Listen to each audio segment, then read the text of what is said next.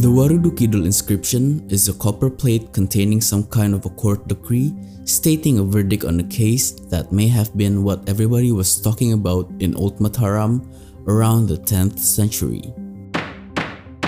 It was told that Sang Danadi, a local tradesman from Old Mataram, was accused by the royal tax collector to be a foreigner, a Khmer from Cambodia.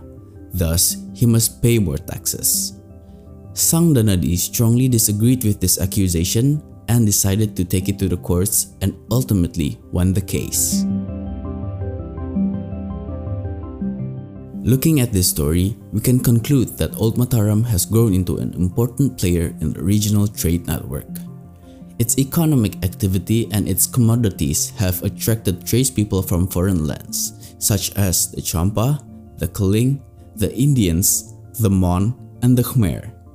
All these foreign traders were obligated to pay certain taxes. The legal and judicial system were also reliable, and the citizens such as Sang Danadi were assured of a fair and just ruling from the courts.